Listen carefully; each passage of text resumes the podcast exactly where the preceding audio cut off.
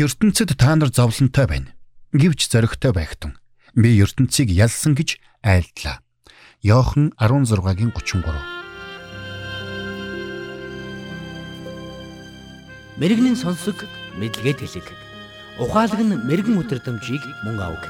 Доктор Харалт цаалогийн мэрэгэн зөвлөмж нэвтрүүлэг.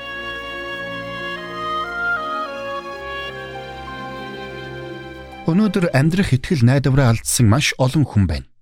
Тэд бүгд амьдралд нь тохиолдсон хүнд хэцүү нөхцөл байдлаас болоод сэтгэлээр унж цөхрөлд автсан байдаг. Тэгвэл Есүс Христэд итгэгч хүмүүсийн хувьд ямар ч нөхцөл байдал донд итгэл найдвараа алдахгүй байх хангалттай шалтгаан бий. Энэ бол Бурханд итгэх тэдний итгэл юм. Шин гэрэний Еврей номын 11-ийн 6-ад хэлэхдээ итгэлгүйгээр таалагдана гэдэг боломжгүй юм. Учир нь бурханд ойртон буйн тэр байдаг гэдэгт болон өөрийг нь хайгчдад тэр шагнагч нь болдог гэдэгт итгэх ёстой гэсэн байдаг. Бурхан байдаг гэдэгт би итгэж болж байна. Гэхдээ тэр миний энэ хүнд хэцүү нөхцөл байдлыг хэрхэн өөрчлөхийг би сайн ойлгохгүй байна гэж та хэлж байж болох юм. Есүс Христ энэ дэлхий дээр амьдарч байхдаа цөхрөнгөө барсан олон хүнтэй уулзаж байсан. Тэд бүгд өвчин зовлон, үхэл хагцал, гай гамшихаас болоод цөхрөнгөө барж итгэл найдвараа алдсан байсан. Харин Есүс тэдэнд зоригтой бай гэж хэлж байсан. Бурхан ямар ч нөхцөл байдлыг өөрчлөх чадaltaй гэдгийг тэр мэддэг байсан учраас хүмүүсийг нөхцөл байдалтайгаа эвлэрэн бууж өгөхгүй байхыг сануулдаг байсан. Учир нь бид итгэл найдвараа алдаж нөхцөл байдалтайгаа эвлэрэн бууж өгөх үед өөрийнхөө цөхрлийг тойруулан өндрөөс өндөр хан хэрэн босгож байдаг. Үүгээрээ та нөхцөл байдал хизээж өөрчлөгдөхгүй юм байна гэсэн бодолтойгоо эвлэрч байна гэсэн үг. Хэрвээ бурхан байдаггүй байсан бол бидэнд ингэж бодох шалтгаан бий гэсэн үг. Харин бурхан байгаа цагт итгэл найдвар бий. Тиймээс ямар ч нөхцөл байдал бидний хувьд эцсийнх биш. Бас ямар ч нөхцөл давагдашгүй биш юм. Үүнийг би өөрөөсөө хэлж байгаа юм биш. Харин Библи үүнийг баталдаг юм. Библиэд баяр хөөртэй бай гэж маш олон удаа бичигдсэн байдаг бол тэдгээрээс 7 удаад нь боломжгүй мэт нөхцөл байдал донд баяр хөөртэй байх тухай өгүүлсэн байдаг.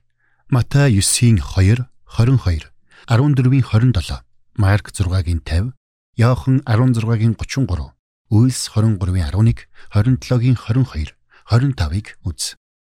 Элч Паулыг хөлөг онгоцны сүрэлд өртсөн талаар Үйлс намын 27 дугаар бүлэгт өгүүлсэн байдаг. Түүний сууж явсан хөлөг онгоц хүчит салхинд туугдан явсаар хад мөргөн сүрэхтэй тулсан байна. Тэд салхинд туугдан хад мөргөхгүй тулд дөрвөн зангуу хаяж хөлгөө зогсоохыг оролдсон ч тэдний оролдлого талаар болжээ.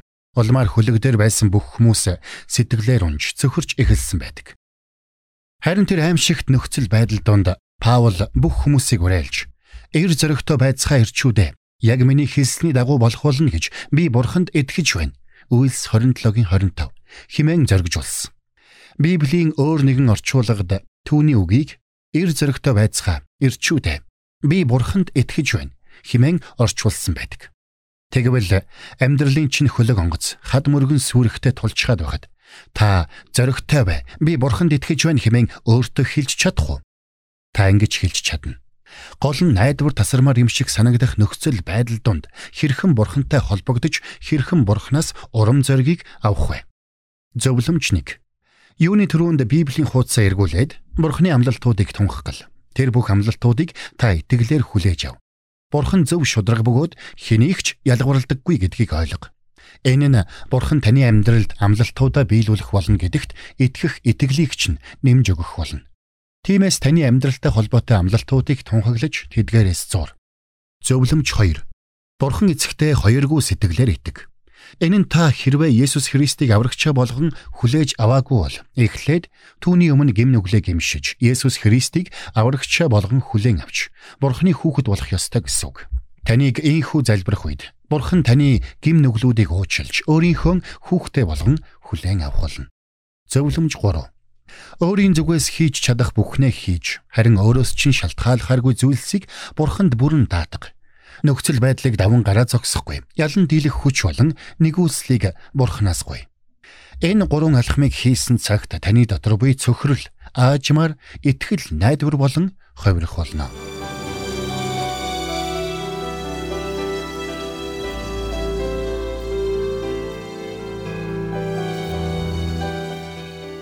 Мэргэн нэгнийг дагуул мэргэн, мулгуутай нөхөрлөл хорлол. Доктор Харалт цайлигийн мэрэгэн зөвлөмж нэвтрүүлэг танд хүрлээ.